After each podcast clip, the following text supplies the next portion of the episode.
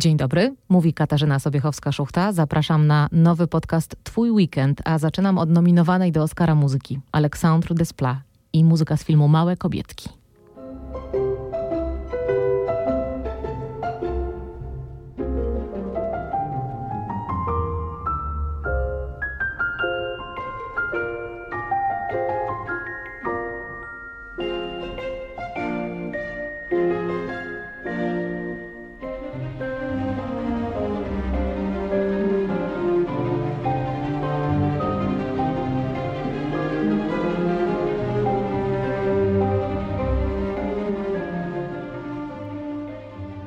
Ten weekend film Małe Kobietki wchodzi do kin. Warto go zobaczyć nie tylko dlatego, że ma aż sześć nominacji do Oscara, między innymi za najlepszy film i dla grającej główną rolę Saoirse Ronan. To jest film kostiumowy, historia, portret czterech sióstr bardzo udana ekranizacja słynnej powieści pod tym samym tytułem. Ale reżyserka Greta Gerwig nie pokazała jej tak po bożemu. W filmie pomieszała nieco chronologię, skacze po planach czasowych. Czytałam tę książkę wiele razy w dzieciństwie, znałam ją na pamięć, a kiedy wróciłam do niej jako dorosła kobieta, odkryłam, że ona jest współczesna i że jest bardzo dziś ważna. To jest opowieść o miłości, opowieść o ambicji, o życiu, w którym nie istnieją żadne granice, opowieść o narodzinach pisarki także, ale wątków jest oczywiście bardzo, bardzo wiele. Poznajemy losy młodych kobiet, czterech sióstr, które odnajdują pewność siebie, by same sobie wytyczać ścieżkę i te ścieżki są bardzo, bardzo różne, tak jak różne są siostry. Scenarzystką i reżyserką jest, jak wspomniałam, Greta Gerwig. Producentkami też są kobiety. W obsadzie mamy Saoirse Ronan, Emma Watson, Eliza Scanlon i Florence Pugh jako siostry, Lore Dern w roli matki i Meryl Streep jako bogatą, surową ciotkę.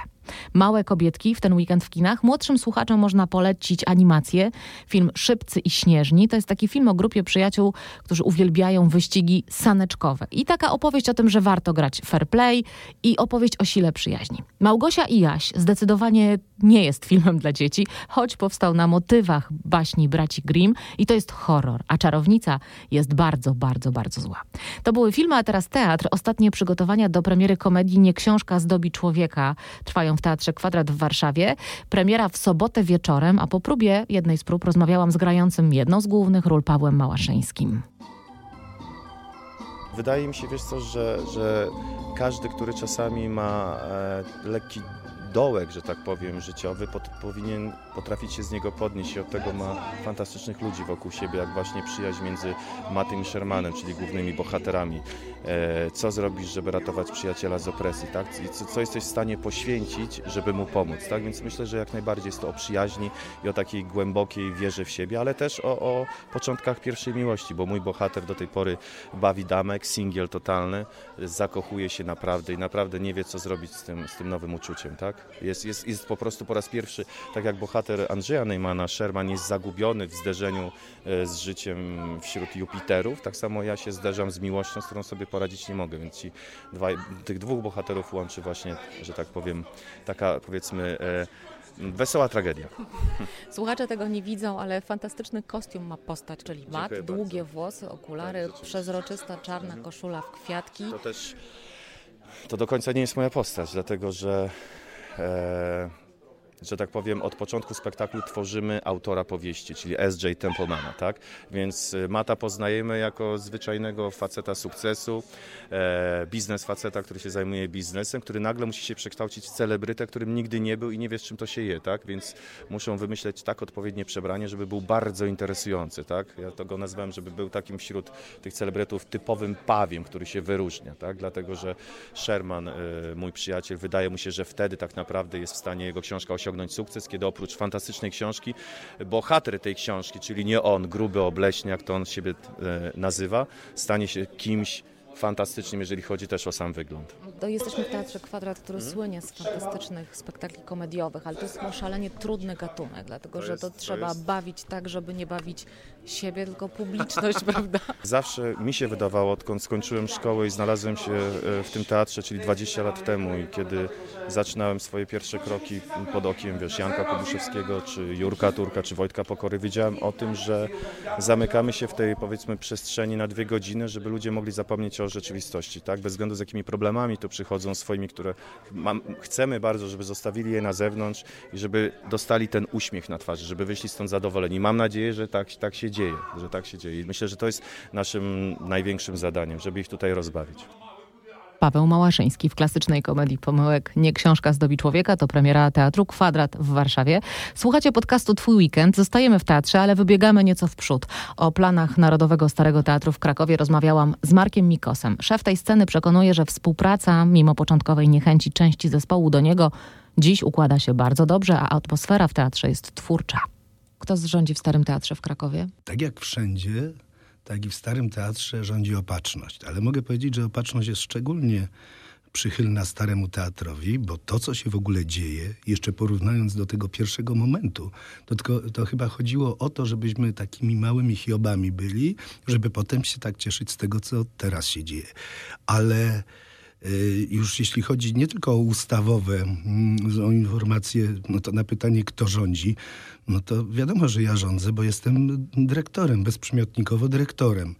Natomiast oczywiście doradza, ja tych rad bardzo uważnie słucham rada, a w zdrobnieniu rada to Radek, no i Radek Krzyżowski jest pełnomocnikiem. Skoro w Starym Teatrze y, aktorami są pani rektor najlepszej szkoły teatralnej y, w Polsce, Dorota Segda, jest dziekan Nawojczyk, prodziekan Wydziału Aktorskiego też jest, Y, tych profesorów jest 19, no to musiałbym być bardzo głupim dyrektorem, jeżeli bym się ich nie radził, żebym nie rozmawiał.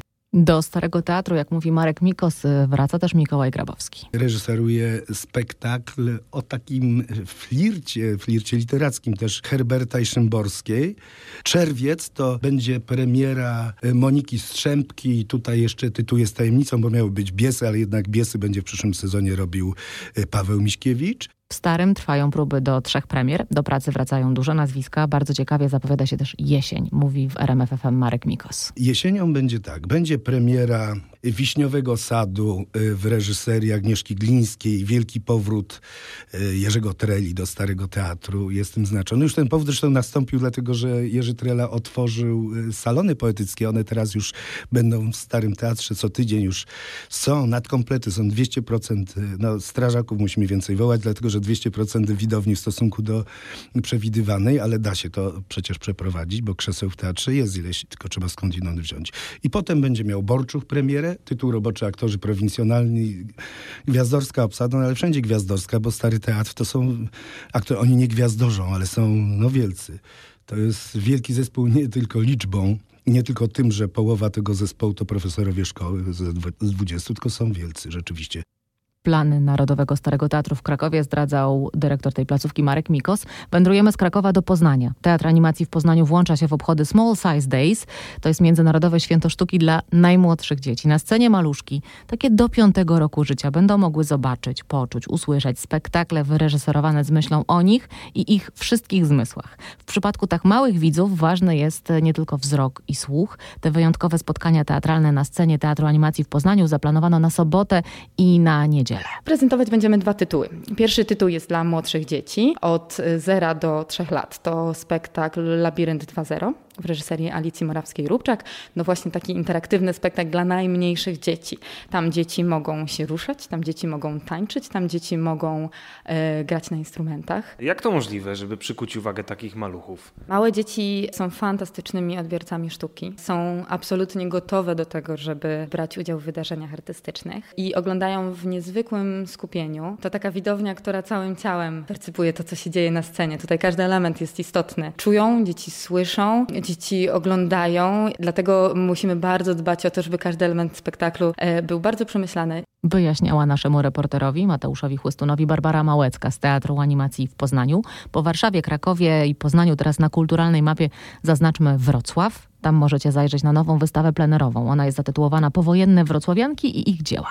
Wystawa jest bardzo ciekawa, bo prezentuje powojenną historię Wrocławia z perspektywy biografii kobiet. Mamy tu obszar nauki, sztuki, literatury, Mamy wreszcie takie osoby nietuzinkowo wymykające się prostą klasyfikacją jak Ewa Szumańska, która była radiowcem, ale też podróżnikiem, ale też działaczem opozycji antykomunistycznej. Mamy działaczki opozycji antykomunistycznej, mamy Wandę Rutkiewicz, sportowca, więc bardzo szerokie spektrum. O tych wszystkich niezwykłych kobietach mówił dr Wojciech Kucharski z Ośrodka Pamięć i Przyszłość. Zdumiewające życiorysy niezwykłych kobiet można poznać na rynku we Wrocławiu. Tam jest ta plenerowa wystawa i ona potrwa do 13 lutego. W podcaście Twój Weekend mówimy y, oczywiście o weekendowych propozycjach kulturalnych, ale dbamy także o kondycję fizyczną. W Małopolsce ferie zimowe są już na półmetku. Cały czas można korzystać z wielu atrakcji przygotowanych przez różne regionalne ośrodki kultury, między innymi w Nowochódzkim Centrum Kultury w Krakowie. Można nauczyć się jeździć na łyżwach. Ferie to u nas y, takie, można powiedzieć, już stałe punkty. I tak, mamy lodowisko. To oczywiście jest ta atrakcja sportowa dla wszystkich, którzy chcą poszusować na łyżwach od 9 rano do 20.30. Jest wypożyczalnia, są pingwinki. Oczywiście festiwal teatrów dla dzieci. Zorganizowaliśmy warsztaty edukacyjno-teatralne, także zajęcia plastyczne oraz zajęcia taneczne. Mówił Zbigniew Grzyb, dyrektor Nowochódzkiego Centrum Kultury. Zapraszam na podcast Twój Weekend za tydzień. Planujemy być z Agnieszką Frydlich i Malwiną Zaborowską w pełnym składzie. Katarzyna Sobiechowska-Szuchta, mówię do usłyszenia. Zachęcam do subskrybowania naszego podcastu.